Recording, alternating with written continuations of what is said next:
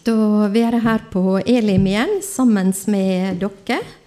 Eh, og jeg vil jo starte med, for jeg så på annonsen i Korsets Seier at det skulle være eh, kollekt til eh, bibelskolene i Kongo. Og det vil jeg takke for. Og jeg tenkte der i den forbindelse skulle si at disse gavene er vært og er til fantastisk velsignelse. Og eh, den som har gitt noe til bibelskolene der ute, er ikke med bare på å eh, fostre noen som er evangelister og pastorer og vitner i Kongo, men de er sendt over store deler av Afrika. Der er kongolesere som har gått på disse bibelskolene våre, Eh, som arbeider i Rwanda, i Burundi, i Tanzania, i Kenya, i Sør-Sudan, eh, i Niger over mange plasser. Store deler av Afrika, egentlig. Eh, så det er et stort takkemne, og det er fantastisk fint, egentlig. Så tusen takk skal dere ha for de gavene dere gir. Dere har vært trufaste i flere tiår, og det er fantastisk.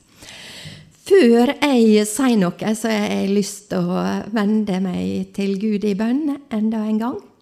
Bare kort. Kjære Herre, vi takker og lover og priser deg fordi vi får komme inn for ditt ansikt.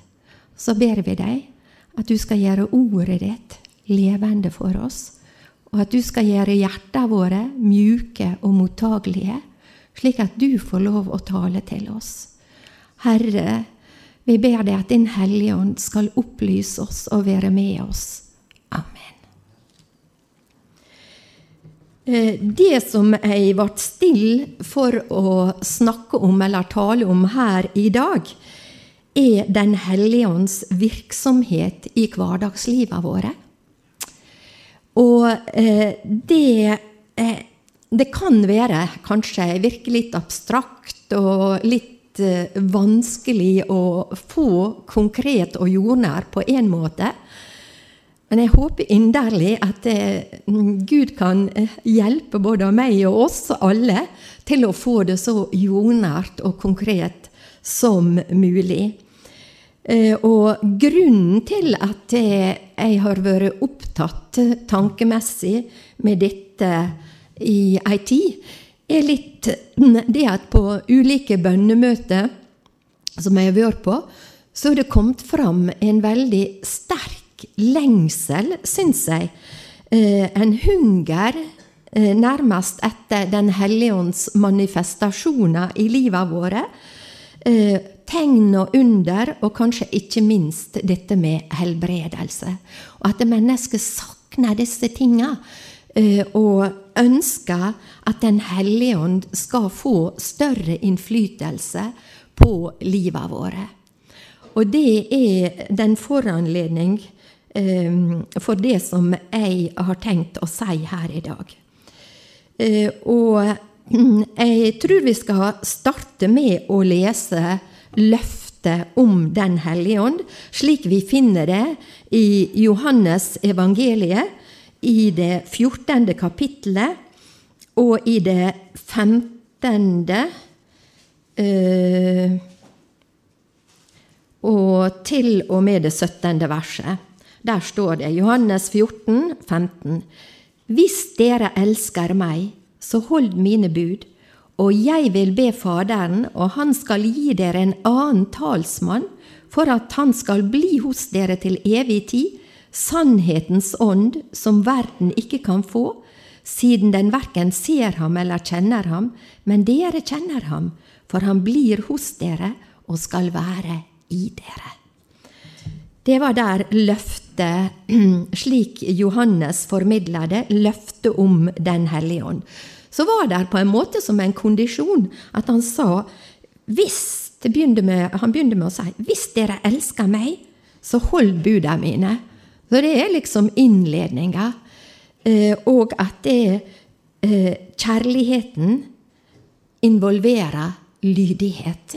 At det også er et prinsipp i Guds rike, som han da presenterer før han forteller at det, eh, han, når han kommer til Faderen, når han kommer tilbake til farshuset, så er noe av det første han skal gjøre, det er å be Faderen om å sende dem, sende de kristne, sende apostlene, Den hellige ånd, som skal være en annen talsmann, som skal være en hjelper, en trøster, en parakletos, som det heter på gresk. Og vi skal først se litt på funksjonen da, eh, til Den hellige ånd og eh, betydninga av det. Og så skal vi etter hvert mer gå inn på og se på hva det resulterer i i våre hverdagsliv, dette at vi gir hånda plass. Og til slutt på hvordan det er med på å skape åndens frukter i våre liv. Eh, parakletos, det betyr egentlig en som er tilkalt til en eller annen funksjon. Eh, og det dreier seg alltid om en som skal være en hjelper i vanskelige saker, i problematiske situasjoner og i nød. Og hva som gjør at en blir tilkalt, det kan være forskjellig. Det kan dreie seg om at vedkommende skal være eh, vitne i ei rettssak, f.eks. Det kan dreie seg om at vedkommende skal være advokat og føre ei sak der det ellers ville kanskje ført til en streng straffedom. Eh, sånn at det, Den hellige ånd, han skal være med på å være vitne. Han skal være vår advokat. Han skal føre vår sak på mange ulike områder, og vi skal komme tilbake til det. Eh, en annen oversettelse er også dette at han er en trøster. Og i dette med trøst her, så betyr ikke det bare at det, han skal ha deltakelse eh, med den som har det vondt, er eh, i nød. Men det innebærer også ei aktiv handling at denne parakletos eh, gjør de nedslåtte tappe tapre og sterke igjen. Eh, gi vedkommende bedre anledning til å mestre og hamle opp med situasjonen slik han er. Reise vedkommende opp igjen. Altså Den hellige ånd han tar på en måte bort vår utilstrekkelighet eh, og gjør oss i stand til å hamle opp, kan vi si, med sjølve livet. Dette var noen av funksjonene eh, til Den hellige ånd. Eh, og så, i det som vi leste innledningsvis, så viser også egentlig eh, Jesus oss at Den hellige ånd eh, kan være med på å overbevise og Den hellige ånd, og det kan vi lese i Johannes fremdeles, og da i Johannes det 16. kapittelet eh, og det 8. verset, og der står det Når Han kommer, altså Den hellige ånd, skal Han overbevise verden om synd, om rettferdighet og om dom. Vi skal ikke gå så veldig mye inn på dette, vi vet at her var det snakk om at han skal overbevise verden om synd. Og vi kan si at det, verden har eh, på en måte litt forstand angående synd, eller litt begrep om synd, men det verden, det de ikke-kristne, ikke har, det er synserkjennelse. Fordi de hele tida mener det at det, eh, det som vi kristne mener er synd, og som Guds ord sier synd, det er bare slik det skal være. Det er bare slik som det moderne mennesket skal være. Sånn at det, verden har ikke forstand egentlig på dette med syndserkjennelse. Men Den hellige ånd kan opplyse om dette og kan føre til at det, de som tilhører verden, kan oppleve at de må vende seg fra dette, vende om, ellers vil de gå fortapt. Sånn at de må vende seg til Jesus og vende om. Rettferdighet Det er bare Den hellige ånd som kan overbevise eller fortelle oss om eh, Jesu stedfortredende død og hans oppstandelse, og føre til rettferdiggjørelse for oss. Og så kan Den hellige ånd også overbevise mennesket om dom, at det kommer en dom. At på et eller annet tidspunkt, og det nærmer seg, kommer nærmere for hver dag som går, så vil det komme en dom. En dom over verden, en dom over synd, en dom over det å ha snutt ryggen til Gud. Og da er det fantastisk å vite for oss som hører Gud til, at vi på grunn av Jesu blod er rene og rettferdige og himmelen verdige. Det er nåde. Det er nåde. Og Den hellige ånd kan både overbevise oss om dette, og han kan tegne Golgata-verket for oss på en vidunderlig måte, slik at vi virkelig ser at slik er det. Dette er ei sannhet vi får lov å leve på, ei sannhet vi får lov å ha med oss hele veien. Den hellige ånd, han er kjent av oss, men han er ikke kjent av verden. Og i dette som vi las, så las vi at det, de kunne, verden hadde ikke forutsetning for å forstå eller for å, å kjenne ha noe som helst formening om Den hellige ånd. Eh, for den som er på en måte avskaffa Gud, ikke engang erkjenner at han eksisterer, de har ikke mulighet for å lytte og for å se Han. Den hellige ånd må da eventuelt gripe inn og gjøre et under, gjøre et verk. Eh, men når vi ser, når vi ser Golgata-verket slik som det ble framstilt her, når vi ser inn i dybden av Gud, som vi skal komme mye mer inn på etter hvert, så har vi med oss sjøle eh, en viss bakgrunn, en viss bagasje. Der er en viss forutsetning for hva vi skal forstå, hva vi kan anneme, hva vi kan ta til oss. Eh, og det er knytta opp imot den bagasjen og den, de forutsetningene vi har. Og eh, vi kan ta som eksempel eh, en astronom. Når han ser på stjernehimmelen, så har han mye større forutsetning for å kunne tolke og for å kunne se ting enn det et vanlig menneske har. En botaniker, for eksempel, han har langt mer forutsetning for å kunne lese ting ut av ei blomstereng, f.eks., eller et skogholt, enn det som en som ikke har peiling på botanikk, kan. Og slik kan det være med kunstnere som ser et vakkert bilde. De ser veldig ofte mye mer enn det den vanlige mann og kvinne ser. En bonde han ser mye mer når han ser på budskap, buskapen sin, dyra, og ser markene, enn det vanlige mennesket ser. En musiker som ser på instrument eller hører et musikkstykke, det er likedant. Og slik er det også når det gjelder det åndelige og den åndelige verden. Og noe av poenget med det Jesus sa her i det vi leste helt innledningsvis, det er dette at det For at vi skal se og oppfatte, så må vi være på åndelig bølgelengde, og vi ser ikke og oppfatter ikke mer av det åndelige, det himmelske, enn det vi egentlig på det tidspunkt er utrusta for å oppfatte. Og det kan være forskjellig alt ettersom eh, hva slags funksjon vi har latt Den hellige ånd få i livet våre, og hvor langt vi egentlig er kommet på himmelveien, den enkelte av oss.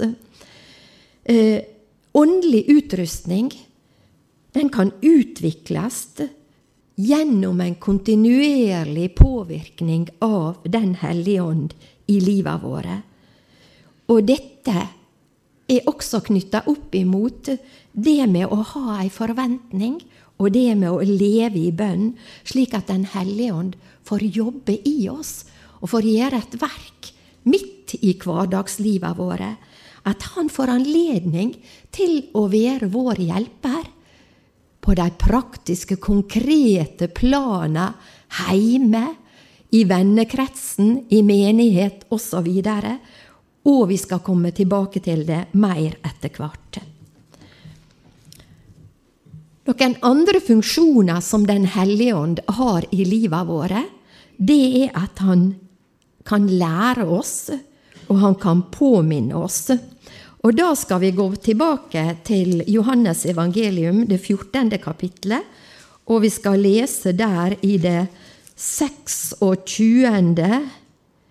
Eh, verset. 14-26. Og, og der står det, eller vi kan lese fra det 25. verset. Eh, alt dette har jeg talt til dere mens jeg ennå er hos dere. Men talsmannen Den hellige ånd, som Faderen vil sende i mitt navn, han skal lære dere alle ting og minne dere om alt det jeg har sagt dere. Altså, eh, Den hellige ånd skal være en læremester for oss. Han skal lære oss, der står til og med faktisk 'lære oss alt', lære oss alle ting. Og når jeg har lest det, så er det av og til at jeg har stoppa opp og så tenkt Neimen, Gud, er det mulig? Kan han lære oss alt? Kan han lære oss alle ting? Praktiske ting i hverdagen, kan han lære oss det? Er det meninga? Hva som er meninga med dette? Alt, alle ting. Men det forutsetter at vi er villige til å lære. Og eh, at vi har altså ei lærevillig innstilling. Vi må, være, vi må være forberedt faktisk på å være elever eller studenter livet igjennom. For Den hellige ånd han vil føre oss og lære oss nye sannheter om Gud livet igjennom. Han vil føre oss djupere og djupere inn i Guds sannheter. Han vil lære oss hele veien. Men vi må være åpne, vi må være søkende. I pedagogikken så snakker vi om eh, aktiv læring. Studentaktive læringsmetoder. Har vært veldig inn de siste ti åra. Eh, og da dreier det seg egentlig om at det studentene sjøle arbeider med stoffet de setter seg inn i, de må lese sjøle, sette seg inn i stoffet. De må være aktive og engasjerte. Eh, de må jobbe med stoffet sjøle. Slik er det i den åndelige verden også. Vi må jobbe med det åndelige stoffet, som primært er Guds ord, sjøle. Og så skal han minne oss om alt det Jesus har sagt. Og da også må vi ha litt peiling på hva Jesus egentlig har sagt. Og det er gjennom ordet vi får den kunnskapen, den kjennskapen. Så vi må tilegne oss Guds ord og sette oss inn i det Jesus har sagt. Og gjennom det så kan Den hellige ånd redde oss Jeg sa redde oss, faktisk, ifra hovmod, ifra feil eh, tolkninger, feilslutninger i livet, mistak, trø feil, osv. Og, og jeg tror at vi, den enkelte, har erfaring med dette. Ofte så snakker vi om samvittigheten, og at samvittigheten vår Men det er Den hellige ånd. Det er Den hellige ånd som taler gjennom samvittigheten vår. Og ofte så kan den minne oss på at nei, ikke gjør dette. Og så er det ei strofe fra Bibelen som renner oss i hu, og som får oss til å tenke at nei, dette skal ikke jeg si likevel. Kan godt hende det var en aggressiv tanke, og at en hadde lyst til å slenge tilbake. Det kan være i vennekrets, det kan være i ekteskap, det kan være på andre områder. Men så plutselig så er det ei setning fra Bibelen, eller ei setning fra et sangvers, eller noe annet som vi har lært på et eller annet tidspunkt, og som plutselig er der, og som hindrer oss i å gjøre noe som vi innerst inne veit at det i åndelig sammenheng, så vil ikke dette være klokt. Dette vil ikke være lurt. i forhold til å bevare intimiteten i forhold til Gud, i forhold til Den hellige ånd. Et annet begrep som blir brukt om Den hellige ånd, er sannhetens ånd. Og eh, der også kan vi lese ifra Johannes, og da skal vi gå tilbake til Johannes 16 igjen, og nå lese ifra det tolvte kapittelet. Litt av det samme som vi har sagt tidligere. Sannhetens ånd. 1612. Eh, Jeg har ennå mye å si dere, men dere kan ikke bære det nå. Men når Han, sannhetens ånd, kommer, skal Han veilede dere til hele sannheten. Der har vi det igjen. Hele sannheten. Ikke bare en flik, men hele sannheten. For han skal ikke tale ut ifra seg selv, men det han har hørt, skal han tale. Og han skal forkynne dere de ting som skal komme. Han skal herliggjøre meg, for han skal ta av det som er mitt, og forkynne det for dere. Alt det som min far har, er mitt. Derfor sa jeg at han skal ta av det som er mitt, og forkynne dere. Her kalles Den hellige ånd for sannhetens ånd. Og det som er Den hellige ånds oppgave i den forbindelse, den er på en måte tosidig, men vi skal først se på dette at det, den skal bringe sannheten om Gud ut til mennesket. Den skal være med å bringe sannheten, Guds sannhet, sannheten om Gud, ut til mennesket. Formidle sannheten om Guds kjærlighet, om Guds vesen, om Hans allmakt, om Hans trofasthet, Hans omsorg, Hans omtanke, og den skal også, som vi var inne på, eller som vi leste, herliggjøre Jesus. Herliggjøre Golgata-verket. Herliggjøre oppstandelsen. Herliggjøre det Jesus var villig til å gjøre for meg og deg.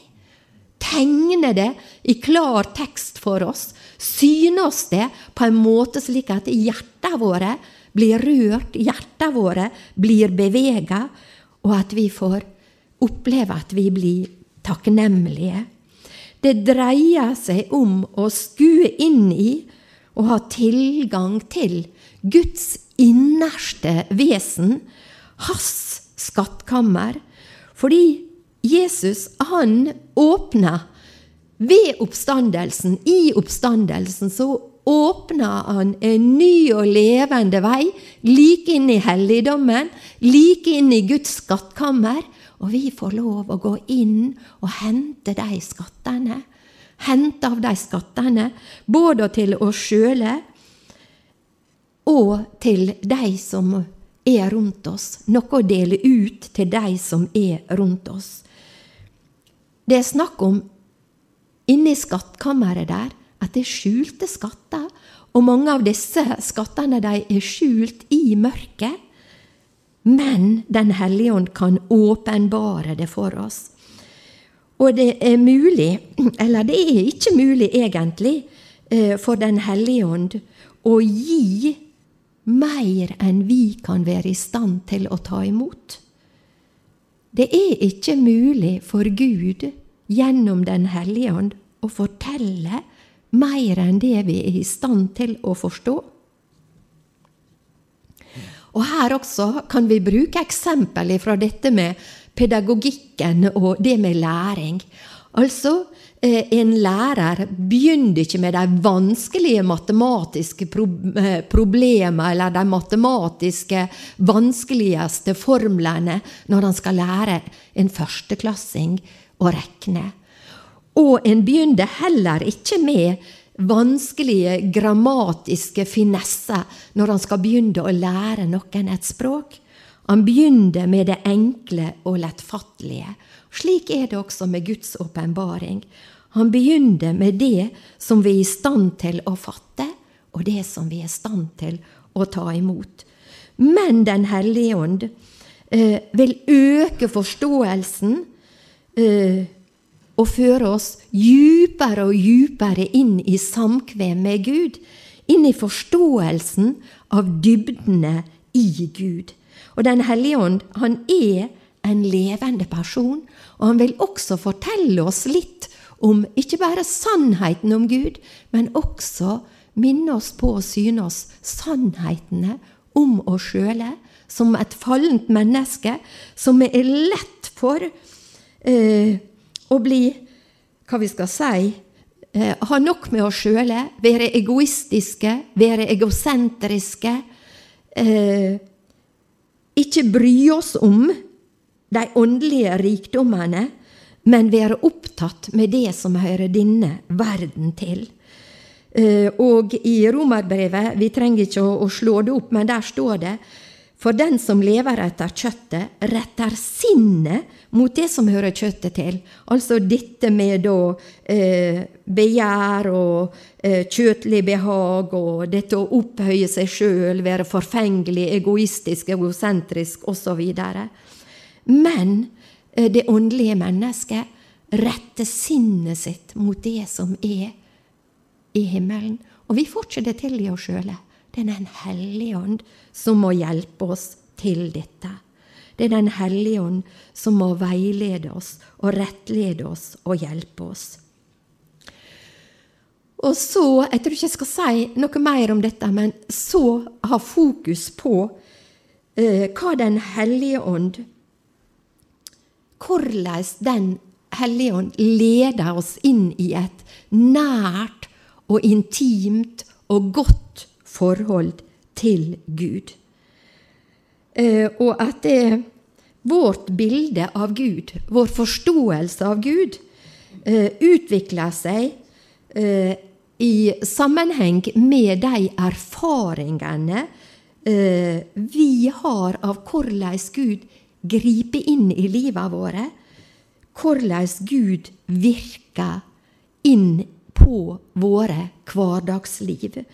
Og Gud, han ønsker, og det, det er noe av det som ble stort for meg og ble viktig for meg når jeg satt og prøvde å forberede meg eh, til denne talen her.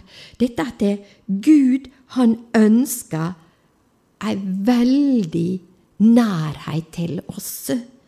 Han ønsker et daglig og kontinuerlig fellesskap med den enkelte av oss. Han ønsker at vi skal være sammen med håna. Han er et inderlig ønske, et høyt ønske om dette. Og hvis vi tenker tilbake på hvordan det var før syndefallet i Edens hage, når Eva og Adam gikk der, så samtalte de med Gud. De hadde en nærhet. De gikk sammen med henne. De kunne spørre henne om ting. Vi veit ikke så, veld, så, veldig mye om den dialogen de hadde med Gud, men vi veit at det dreide seg om en fortrolig samtale. Og det kan være nærliggende å tenke at det, kanskje de ga Gud litt tilbakemelding på det han hadde gjort. På hvordan skaperverket var, på hvordan de opplevde skaperverket. Kanskje de ga henne tilbakemelding og sa at det, Oi, Gud, dette her er det vakkert. Dette har du skapt vakkert. Vi syns det er veldig bra. Og altså, jeg tenker litt, kan hende en barnslig tanke, men jeg tror vi skal ha noen barnslige tanker når det gjelder Guds innflytelse gjennom Den hellige ånd på hverdagslivet vårt. Jeg tror ikke vi skal tenke for sofistikert og for vanskelig, men at vi skal tenke nært og enkelt, egentlig. Kan hende han ønsker den type tilbakemeldinger fra oss i dag også. At når vi ser noe som er vakkert ute i naturen, at vi skynder oss å folde hendene våre og sier Å, alt som finnes av stort og smått har du skapt, og skapt det godt. Jeg ser det, Gud, i hver en blomst som tirer.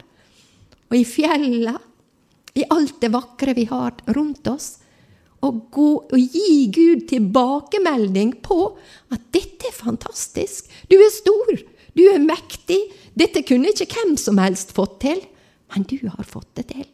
og det betyr noe for oss. Og forteller han at det, dette bidrar til å gjøre oss glad. Dette er noe godt som Gud har formidla til oss og gitt oss. I frelsen så gjorde Gud oss levende med Kristus. Når han reiste Kristus opp fra de døde, så satte han, henne, eh, satte han oss sammen med henne i det himmelske. Kan hende vi skal lese det sånn at vi har det klart og tydelig. Eh, vi finner det i Feserbrevet 2, og det er det femte og det sjette verset. Og der står det Eh, skal vi se femte og sjette verset. Ja, vi kan kanskje lese også det fjerde.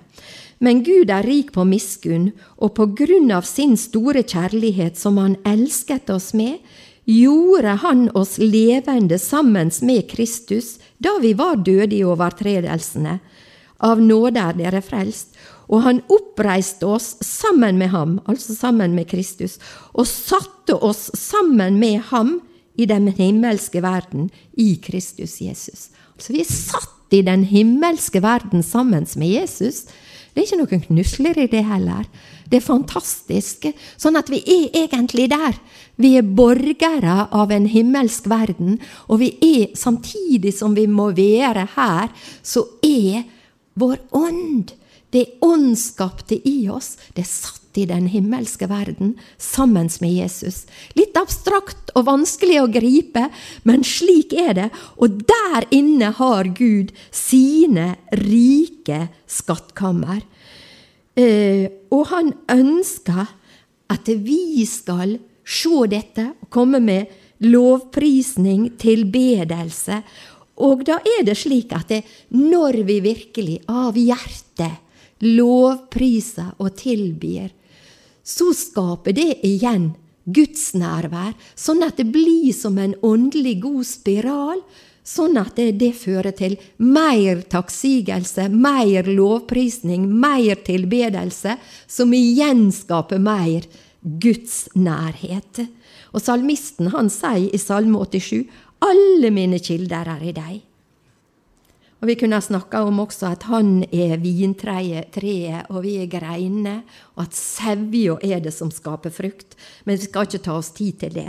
Men derimot så skal vi lese, gå til første eh, korinterbrev, og lese et, eh, et par vers der også.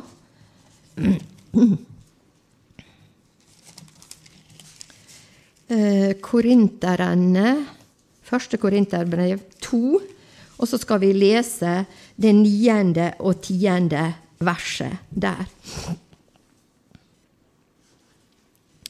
Eh, første korinterne 2 Nei, nå har jeg lest opp det andre korinterbrevet. Første korinterbrevet 2 og det niende og tiende verset. Og der står det Men som det er skrevet, det øyet ikke har sett, og det øret ikke har hørt, det som heller ikke kom opp i menneskets hjerte, det som Gud har forberedt for dem som elsker Han. Men Gud har åpenbart det for oss ved sin ånd. For Ånden ransaker alle ting, ja, også dybdene i Gud. Der står det at det er det som øyet ikke har sett, og øret ikke har hørt. Det som ikke kunne komme opp i noe menneskehjerte, det som var så på en måte fantastisk, men samtidig uforståelig og komplekst. Det er noe som Gud har beredt for de som elsker Håna. Det er noe som Gud har beredt for de som elsker Håna. Og han åpenbarer det ved sin ånd. For Ånda ransaker alle ting, også dybdene i Gud. Den hellige ånd ransaker også dybdene i Gud. Hva som bor i Gud av kjærlighet, av omsorg, av omtanke. Alle disse fantastiske tinga. Og gi det på en måte en ny og stadig mer forståelig drakt, slik at vi kan ta det til oss, skjønne det bedre, kjenne det.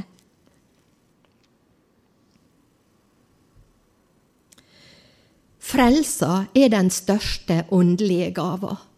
Det er den største åndelige gava.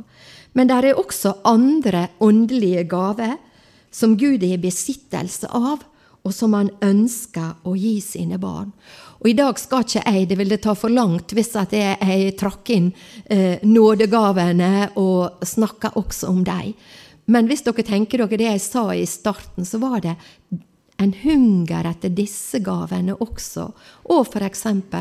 helbredelse, men også de ulike åndelige gavene. Og Gud, han ønsker inderlig å gi oss disse gavene. Det er ikke hånda det står på. Han ønsker at det, vi skal oppleve dem, den enkelte av oss, på det individuelle planet i vårt hverdagsliv. Og i bibelgrupper og i menighetssammenheng. Han ønsker at disse gavene skal være i bruk til menighetens oppbyggelse. Til å oppbygge de kristne. For at vi skal oppbygge hverandre på vår høghellige tro. Og vi har denne levende veien like inn i helligdommen. Det overgår vår forstand men dette med eh, fellesskap med Gud, det dreier seg om også bevissthet om hans nærhet, hans nærvær i våre liv. Og det var også noe som talte veldig sterkt til meg når jeg holdt på å forberede dette her. At Gud, som vi sa, så ønsker han et intimt forhold til oss. Og denne bevisstheten at vi er bevisst på at han er der. At han er tett ved sida vår.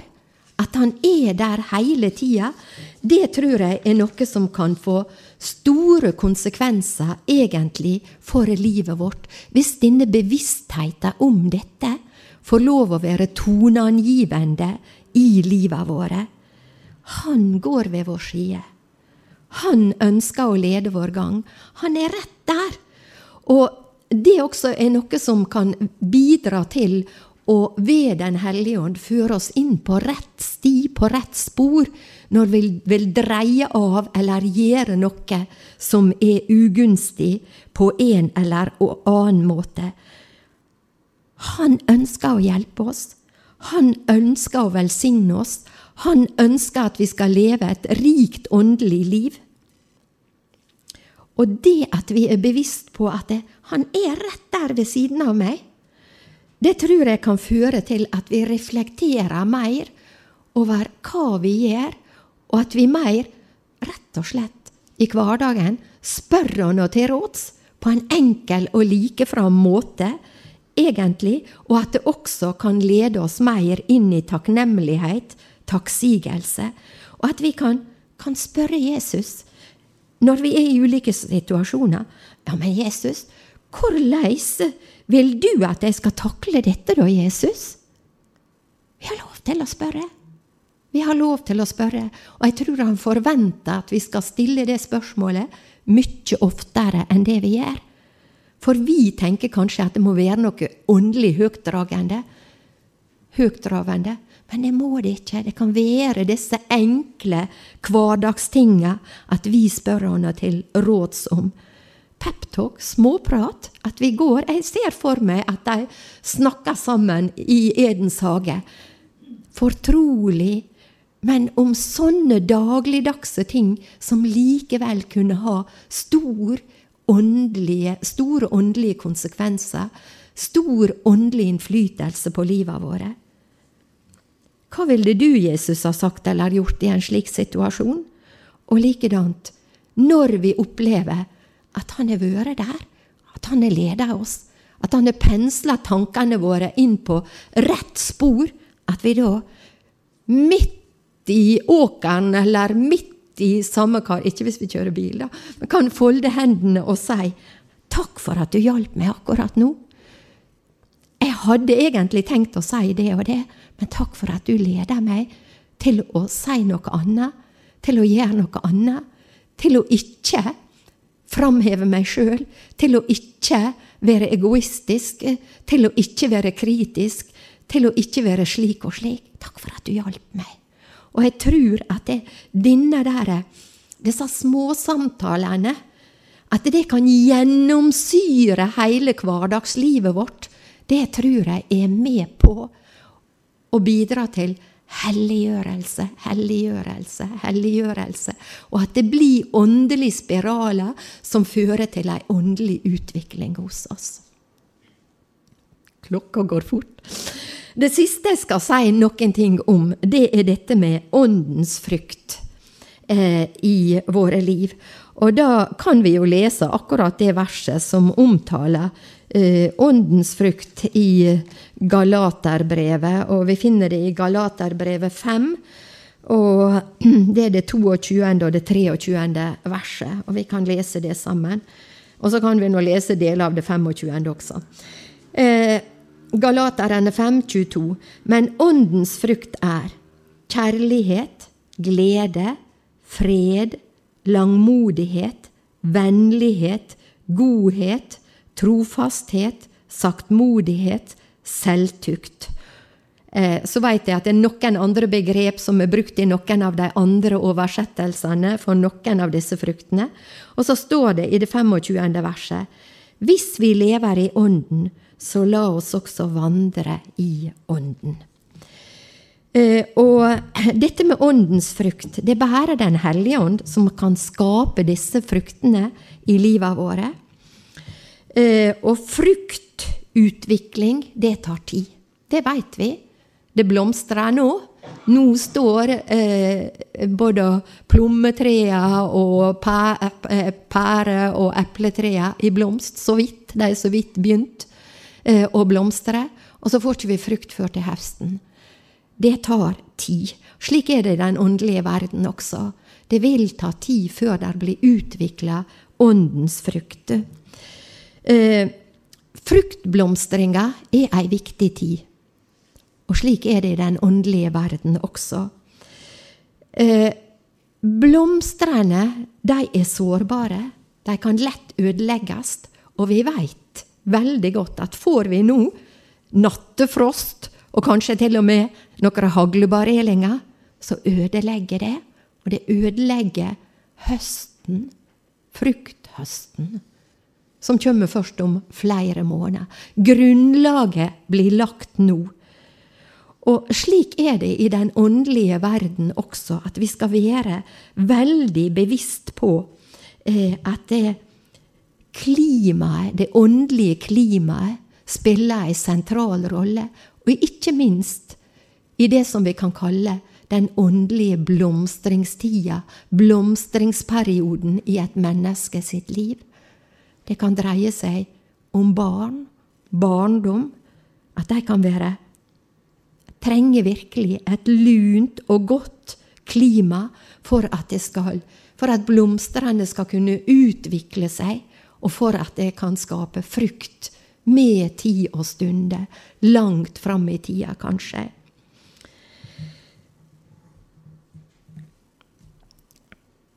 Så er det mange ting, også når det gjelder eh, frukt og frukttrær, som kan være litt underlig for oss. Eh, en del frukttre de kan ha et prangende bladverk, men det kan være lite frukt på dem. Så kan det være små og unnselige frukttrær som har bøgde greiner, og bøgde greiner gir veldig ofte mye frukt. Dette er slikt som de som er forstå-seg-på-ere når det gjelder fruktdyrking, veit noe om. Og det er de som hekter tunge ting opp i fruktgreiner for å få mer og bedre frukt. Som jeg sa, så er det bare Den hellige ånd som kan produsere åndens frukt i menneskelivet. Eh, en kan forvandle oss, skape i oss en åndelig karakter. Og dette med en åndelig karakter er noe som er veldig vesentlig. Og det er veldig vesentlig at barn og ungdom også får utvikle det.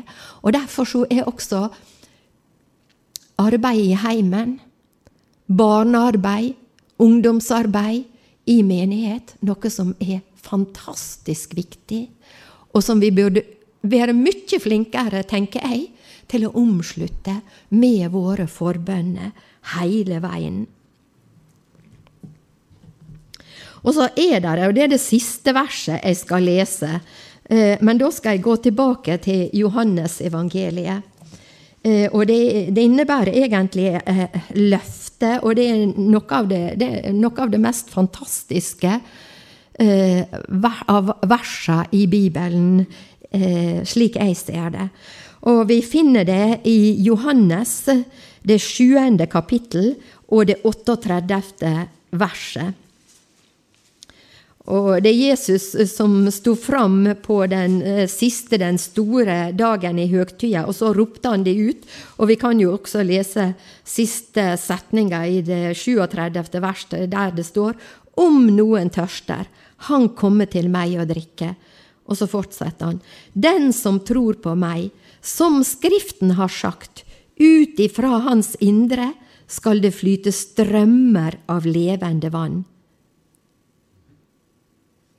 Men dette sa han om Ånden, den som skulle bli gitt dem som tror på Han. Altså, det har med Den hellige ånd å gjøre, og da er det et løfte om at den som tror på Jesus, fra hans indre skal det flyte strømmer av levende vann. Og så kan en tenke jeg, jeg, tenker at oi, dette er jo voldsomt. Fra våre liv flyter det strømmer av levende vann. Men når jeg har reflektert mer over det, så tror jeg at det er sant. At det flyter strømmer av levende vann. Og jeg skal forsøke å peke litt på noe av det. Og for å begynne med de store og slutte med de små, der vi føler oss hjemme alle sammen, og vi begynner med Hendel. Han ble spurt om hvordan han skrev hallelujakoret fra Hendels Messias. Og da sa han at han så himmelen åpen, og så så han Gud som satt på tronen. Og så skapte han et musikkverk som er velsigna mennesker i generasjoner, i tiår etter tiår, og som mange som har greie på musikk, lytter til med stor interesse og stor takknemlighet å oppleve. dette er fantastisk. Dette er gudgitt. Dette er noe av Gud. Og slik kan det være også med skribenter. Jeg kunne dratt fram mange flotte salmer, f.eks., og vi har dem jo også i Bibelen. David, f.eks. Hans sine salmer. Altså skribenter som viser at der var strømmer av levende vann som flaut fra deres liv. Kunstnere kan vi bli inspirert til å male, skrive eller gjøre andre ting. Og der de formidler noe som de er skua inn i, fester det til lerretet, fester det til papiret, og det strømmer av levende vann. Det er ikke bestandig vi tenker over det, men det er det, det som ærer Gud. Det dreier seg egentlig om strømmer av levende vann. Og det som er levende vann, det er livgivende vann. Det gir liv til de som er med og drikker det. De som får lov å skue inn i og se det som den enkelte har formidla dette til. Det kan dreie seg om veldedighet. Noen de gjør gode gjerninger. Vi hadde ei mor Teresa, f.eks. Og det er så mange, mange, mange andre som har gjort gode gjerninger fordi de har opplevd Guds storhet, Guds kjærlighet, Guds omsorg, og at de sjøle gjerne vil med, være med på å føre dette videre. Men det trenger ikke å være så stort. Det kan dreie seg om å vaske et toalett i et menighetslokale, bake ei kake, bake noen boller, vafler, barnearbeid, ungdomsarbeid, bønnearbeid. Vi kunne nevne masse, masse. Egentlig så er det ved Guds nåde, ved Den hellige ånd, så det strømmer av levende vann ut til en døende verden. Og vi skal ikke kimse av det, Altså, de fleste her har sikkert sittet på en sengekant og sunget en liten sang for et barn, eller bedt ei bønn. Det strømmer av levende vann. Det er livgivende. Vi får det tilbake på et eller annet tidspunkt. Og jeg har lyst til å avslutte med noe som eh, han, Øyvind Gårdar Andersen, han er pinsevenn, skrevet flere bøker, sa om dette med at vi hele tida så gjør vi valg. Vi gjør valg, den enkelte av oss. Vi velger enten det gode eller det vonde. Og vi har denne kampen. Vi har den i oss, i vårt indre menneske, en kamp mellom det gode og det vonde. Og der Den hellige ånd skal være med og gi oss seier over det vonde, slik at det gode kan dominere i livet vårt. Vi har den kampen i land og i, ja, i kosmos. Vi har det overalt. Denne kampen mellom det gode og det vonde. Og så har Jesus, så har Gud, så har Gud gitt oss en fri vilje. Og han, Øyvind Gårdar Andersen han peker på da at den frie viljen er ei form for skaperevne. Altså det at vi har en fri vilje, det er ei form for skaperevne. Vi skaper hele tida noe. Enten skaper vi noe godt, eller så skaper vi noe vondt.